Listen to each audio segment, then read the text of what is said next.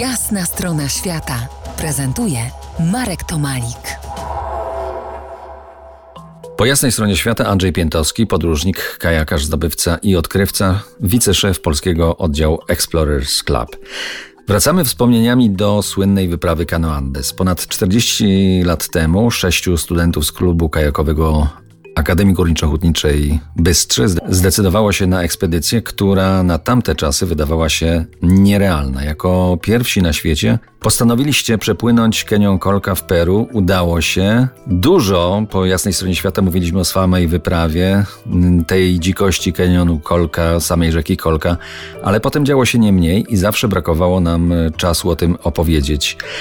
Wychodzicie z kanionu Kolka, w rękach y, macie bilety, no i jeszcze zaszczyty w postaci spotkania z prezydentem, ale coś się zaczyna dziać y, dziwnego. No, apetyt rośnie w miarę jedzenia. Zdobyliśmy y, w Peru wiele rzek, a przede wszystkim kolkę.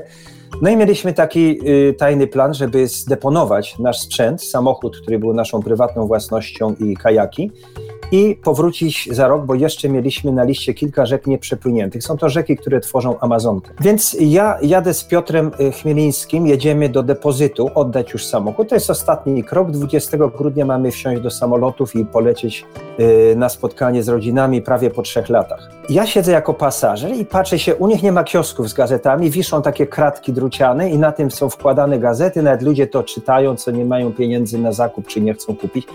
Ja się patrzę, a tam y, no 5-centymetrowe litery Guerra en Polonia.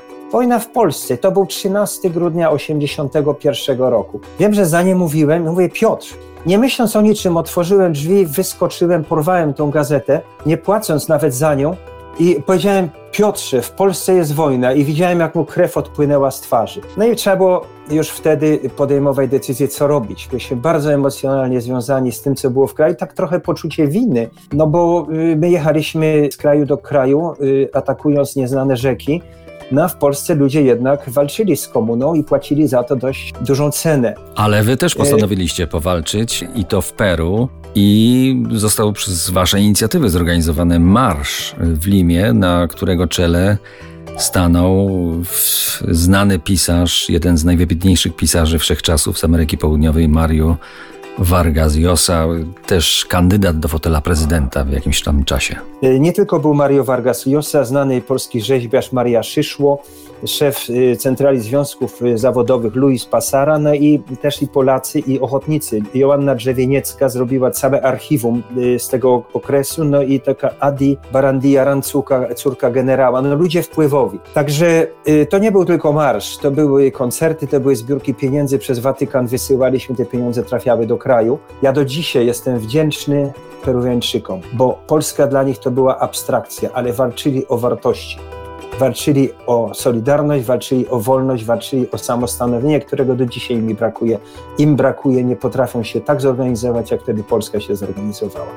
A zatem wplątaliście się w politykę, a ta zmieniła wasze życie. Wielu z was zmieniło to życie na zawsze. Opowiemy o tym za kilkanaście minut.